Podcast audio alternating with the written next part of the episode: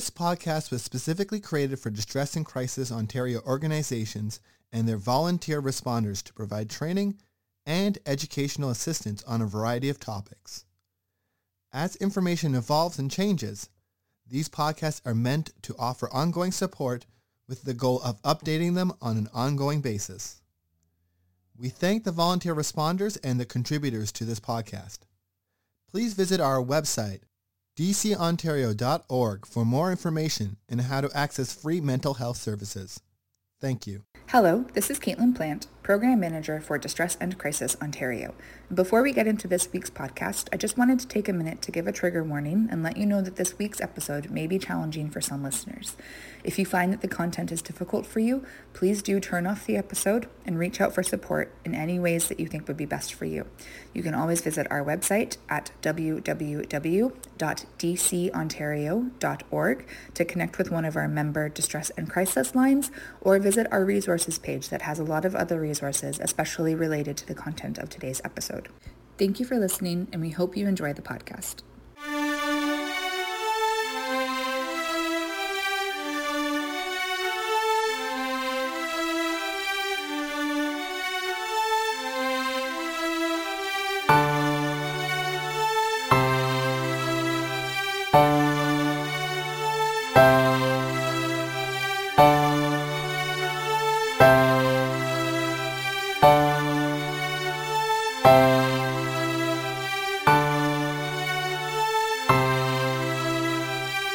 Hello, my name is Caitlin Plant, and I am the Program Manager for Distress and Crisis Ontario. Thank you for joining us for our podcast this week. Today, I am very happy to introduce Andrea Gunraj as our guest. She is the Vice President of Public Engagement for the Canadian Women's Foundation, a foundation that is a national leader in the movement for gender equality in Canada. Through funding, research, advocacy, and knowledge sharing, they work to achieve systemic change and support women, girls, and gender diverse people to move out of violence, out of poverty, and into confidence and leadership. Thank you so much for joining us today. Could you please begin by giving our listeners some more information about what the Canadian Women's Foundation does? Caitlin. Well, you know, um, exactly what you said. We are Canada's public foundation for gender equality and equity and justice. And we focus really uh, on, on, these four areas that you're talking about, helping women and girls and two-spirit trans non-binary people to move out of violence, out of poverty, and into confidence and leadership. That, of course, means making sure that they have everything they need today um, the services and supports that will make their lives safe and well and happy and everything that we need tomorrow because we know gender justice is a big project and women and girls and trans two-spirit non-binary people don't get the rights and respect that they deserve. So we try to do everything that we can to change the systems, the structures, the policies and the practices to make sure that gender justice is more of a goal. And of course, we know that in the pandemic context, we've had almost 30 years of gender gains really reversed. Um, and that's really uh, a tragic thing, a sad thing, a dangerous thing. So we're really focused these days on really pushing towards that goal of gender justice and what that means in every province and territory. Um, so I'm really so privileged to work at this organization and work on these issues. And if people are interested in learning more about us and more about our organization, our goals, and the goal of gender justice, they can, of course, listen to our podcast, All Right Now What, this is something that we uh, put out every other week because we want to speak to the issues as to why is this stuff still happening and what can we do about it? That leads us very nicely into my next question, which is why is it important that we have these conversations about things like gender equality and gender-based violence? Well, you know, this is a really one of these things that I wish we didn't have to talk about anymore. I wish we didn't have to because I wish that we had everybody getting what they needed and everybody getting the rights and services and the respect that they absolutely deserve and that we all deserve as humans. But that's just not the reality. Um, the reality is that in so many different ways, um, you see that there's gender injustices playing out when you look at the economy, when you look at what's going on in homes, when you look at what goes on at work, when you look at our communities. There's so many issues. And really the pillars that we focus on, the idea of violence and economics and uh, leadership and confidence, they speak to really kind of key factors. If you fix these things, if you get these things right, if you make sure, make sure that there's equity and that everybody can access these things, um, we know that we are going to be right on the right track towards justice, true social justice, true human rights. Um, and we're not there yet. And certainly we see that um, particularly around things like gender-based violence, for instance, shocking levels that this violence plays out. And we'll talk more about that. And um, certainly when it comes to the economy, we see that women don't make the kinds of money that they uh, deserve, that they don't have access to the right jobs, that too often, quote unquote, women's work is underpaid, um, undertreated well. And we do see that there's gender pay gaps, all those things. And of course, when you put an intersectional lens on it, it goes beyond gender, far beyond gender. And you see that, um, you know, racialized people, uh, women with disabilities, trans folks, two-spirit folks, when you see younger women, for instance, these are all communities of people who have additional factors that they're dealing with. And that means additional barriers and less access to the supports in their communities. So I would love for us to stop speaking about these things that we didn't need to. It became a non-issue, but we're still there. And there's lots that we can do and it represents more than half the population. And certainly actually it, impacts us all. You know, it's one of those myths that it's a women's problem or just that group. It's everybody's problem because everybody uh, knows somebody who's impacted by gender injustice and it hurts everyone. It doesn't matter what our genders are or what our identities are. So I'm sure that some of our listeners have heard the story of how your signal for help being shared across social media led to a young girl being rescued from a dangerous situation. Can you tell us some more about that? Yeah, for sure. Um, so we heard this story, I think it was in November, and actually it made the news and it really went around the world. Um, this idea that a young woman in Kentucky who was in a very dangerous situation in a kidnapping dynamic uh, that she used the signal for help out of a moving vehicle. Somebody saw it and they recognized it. They called 911 and she was able to get the uh, help that she needed. And that was just one example. But since then, we've heard so many other stories, shocking, scary stories of people using the signal and thankfully getting the help that they need. And people may or may not know what the signal for help is, but really it's just a one-handed sign that anybody can make. Um, it's one hand up, it's thumb tucked in, and its fingers trapping the thumb. And it means I need you to check in with me safely. We launched it in the beginning of the pandemic, uh, around April of 2020. And we did it for a couple of reasons. We knew that there was going to be an increase, unfortunately, of gender-based violence. This often is a dynamic in disaster and crisis situations. And we knew that a pandemic is certainly a disaster and a crisis situation. And you also uh, saw this dynamic of people using video calls to connect with one another. So it seemed like the right time for us to release a tool that would help people, some people, some of the time, be able to say, I need you to check in with me safely, where they couldn't verbalize it, perhaps, and where they didn't want to leave a digital trace. And we saw by July, this signal really went viral. It was just April to July. It went all around the world. We learned that one in three people in Canada had seen the signal being used or knew of it. And certainly we've had moments where we've seen it kind of come back into the news, come back into the, the public conversation. It proves to me, I think, that gender-based violence is an ongoing hot concern, that it is a live concern, and it's striking a nerve because people really do know that it's an issue.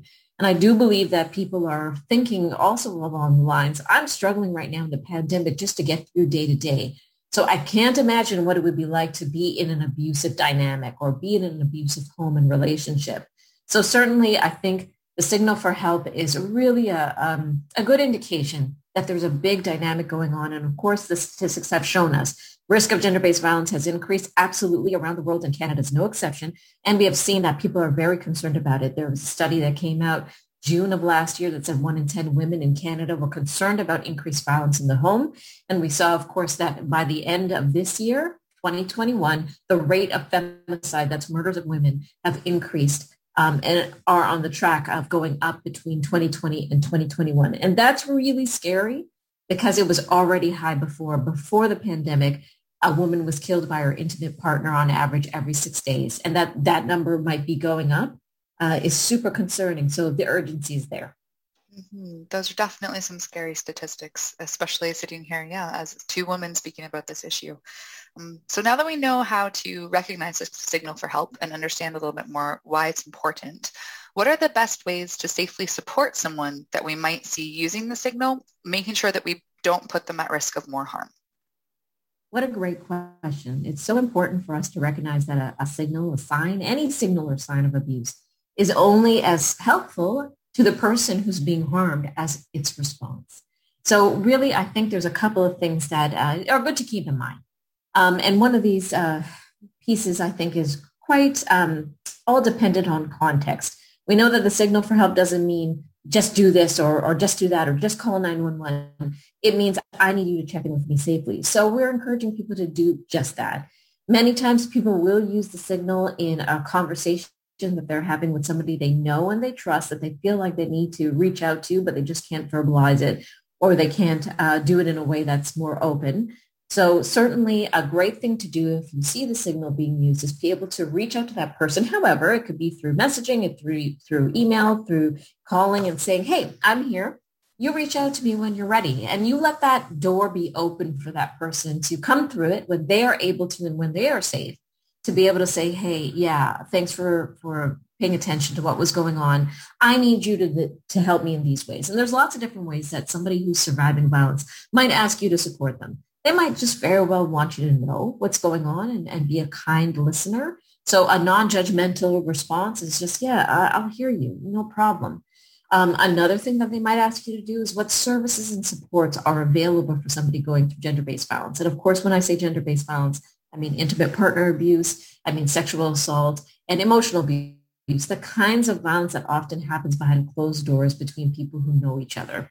So there's services out there that we need to know about. Many of us don't know about those services. They could be shelters. They could be crisis lines. Know the three in your community that might be relevant to your friends and family so that you have those ready to go if anybody needs it. And of course, they might very well need you to help get help accessing that support. They may ask you, please call 911. I can't do it right now, but please do it for me.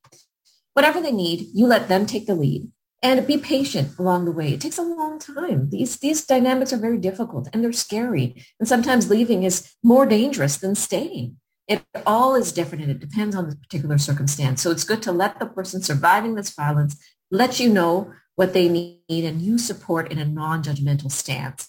And of course, I have to say this, if you see somebody seeing, using the signal for help just out in the world, out of a window, out of a moving car, I think is a very safe assumption that that person is in immediate danger and needs you to call 911. That's absolutely the case in this situation in Kentucky. Um, and I think that that's a, a good one for us to think about. But I'm mindful for every case that we do hear about make the news, there's going to be just thousands that we don't know. And it's going to be a quiet dynamic that it's going to be between people who know and trust each other. Most people report to their friends and family, not to authorities, not to the hospital, not to service providers.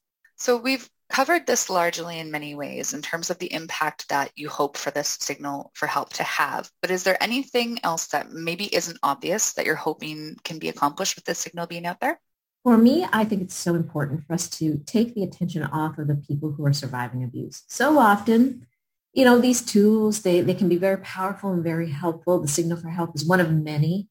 And, you know, people can use what is going to make sense for them in their context. They should never be judged for what they do or aren't able to do. But I think it's so important for us to turn the attention back onto those around that person who's experiencing abuse. So often when somebody's going through violence, you might just have a sense that something is wrong. You might see that something is off and you might not even have the ability to bring that up because you don't feel confident. You feel like you're going to make things worse. You're going to feel perhaps that you might put them in more danger or you might make them uncomfortable. But our silence in these moments of abuse creates stigma that's really unnecessary and really unhelpful. And we know that gender-based violence thrives under blaming the victim, under judgment, under stigma. So I think it's important for me to just stress that people need to um, think about the ways that they can be more supportive. And that's what we're trying to do is the next step to the signal for help. Sure, now we know about the signal for help. That's great. Now we might know some hints of what to do if we see the signal for help. But there's so much more we need to learn. And it's really building up our tools and our, our competency and our confidence in having difficult conversations, courageous conversations is what I like to frame it as, around abuse, around gender-based violence, around what we can do to support one another. So I really encourage people, if they want to go on a learning journey with us, that they should text signal to 540-540. And this allows you to get a signal for help responders guide right into your phone. And then you can use that. You can refer to it.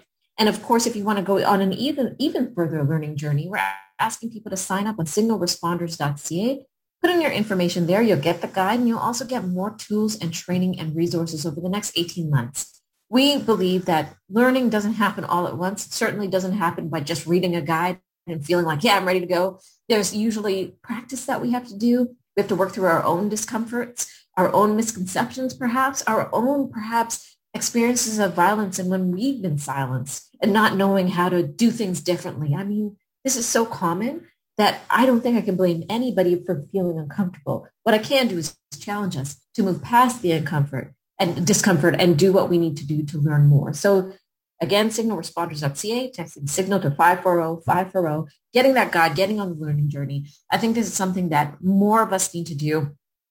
And honestly, it is about changing a culture of stigma to a culture of support. That takes a lot of people. It's a big movement and we can start right now. Uh, again, in the pandemic, the time hasn't been better for us to do this. Mm-hmm. I will make sure that I share those two in uh, the episode notes as well, so that if for whatever reason uh, someone would like to go and see them written out, they're there as well, and then you can click the link directly through the episode notes as well. Um, yeah, that, that gives us a good answer in terms of where people can learn more about the Signal for Help as well and where they can get more resources from your foundation too, eh, just in general. But I'm wondering if we have a listener that's listening to this episode and they do have that feeling that there's something going on with a family member, with a friend, and that person doesn't seem willing to speak to them yet. Do you have any advice for those people in terms of how they can have that patience and still show their support, but not yeah, put this person that's important to them in a more dangerous position or even just in an uncomfortable position. I really believe in planting the seeds. Um, and that's really kind of creating the conditions to be able to have these courageous conversations to even begin. And so I think it's so important for us to proactively make it clear to our friends and family, the closest ones that we know we're really tight with. And we, we know that if anything happens, that they're going to come to us or we're going to go to them anybody can at any time go to these close family and friend connections and say, hey, if you come to me with anything, I am not, not going to turn you away. I'm not going to judge you. I'm not going to blame you. I'm not going to ask you what you did to make this happen. I'm just going to listen.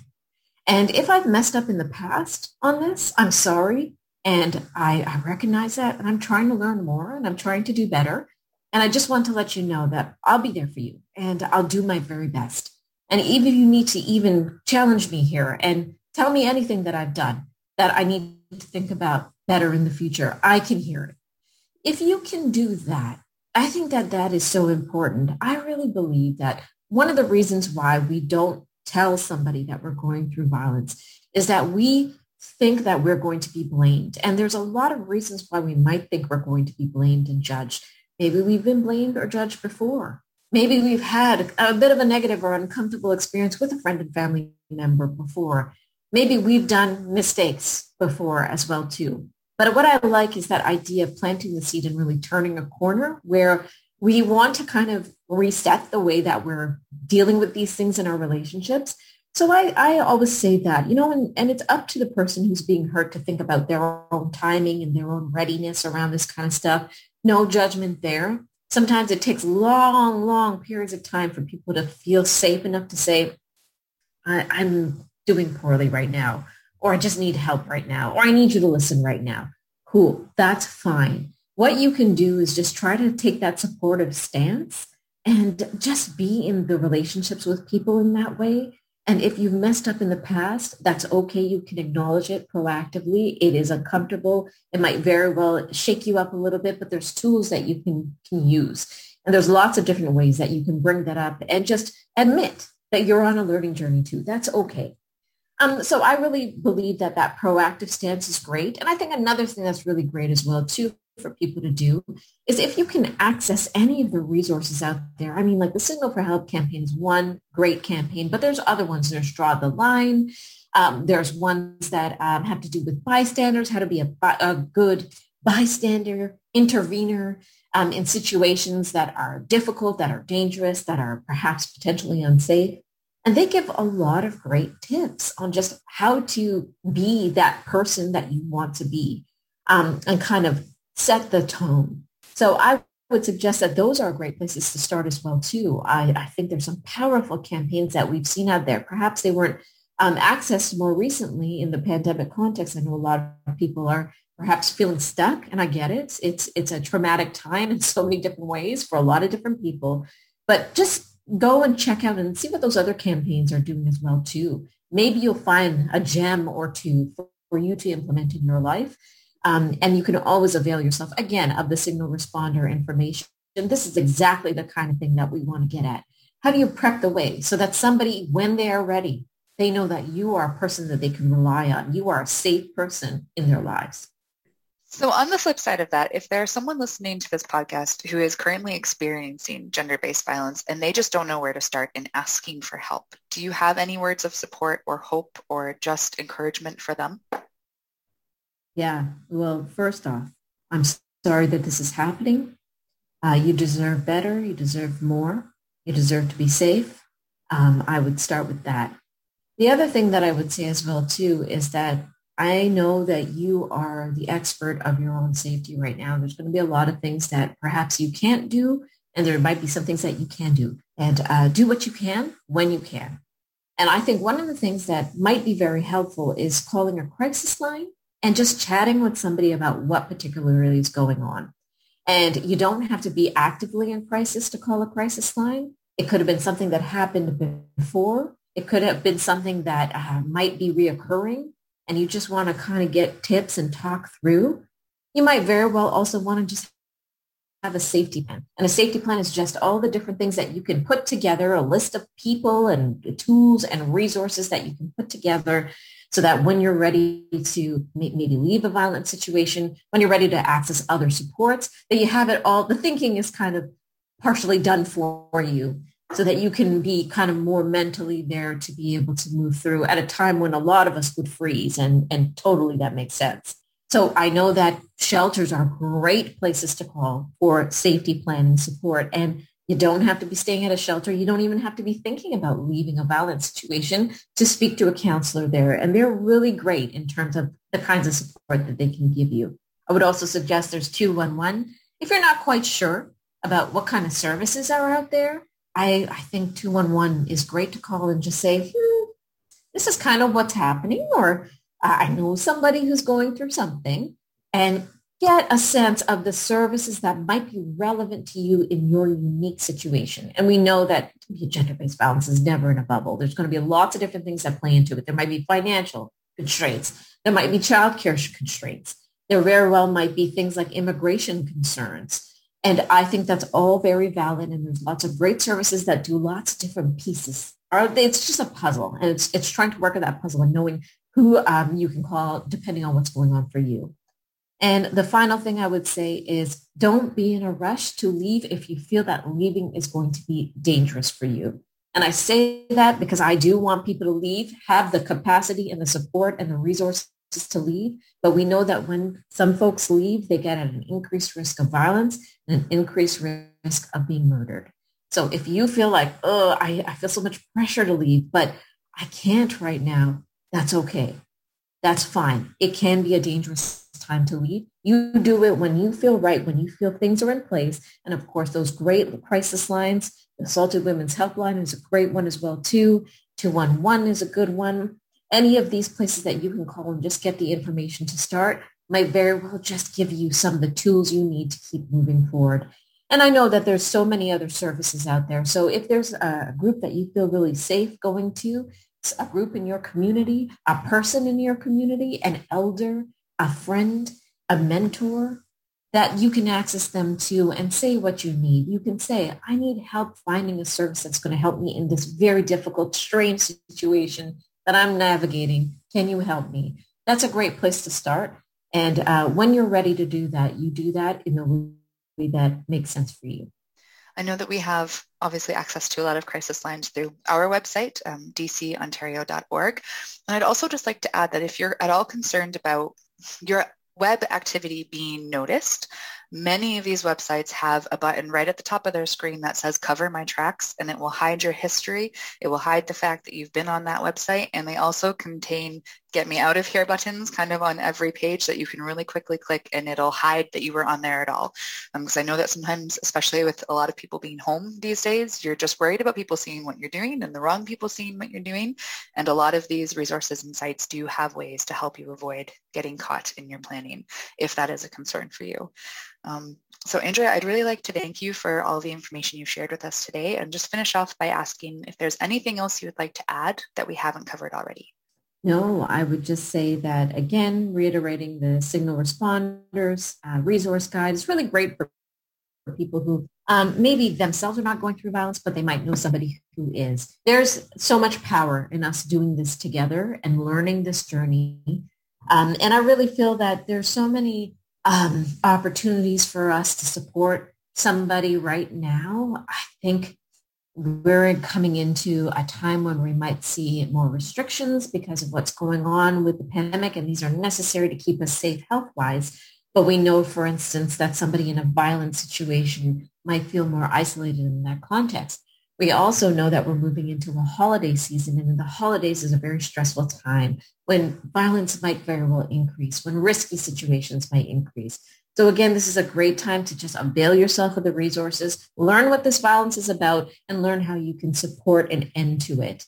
Um, if we all did that in our lives, I don't think gender-based violence would be the big issue that it is because our culture would be different. Our level of acceptance for this will go right down and our treatment of it would go right up in terms of our decisions to support the kinds of solutions that need to happen, the community-based solutions.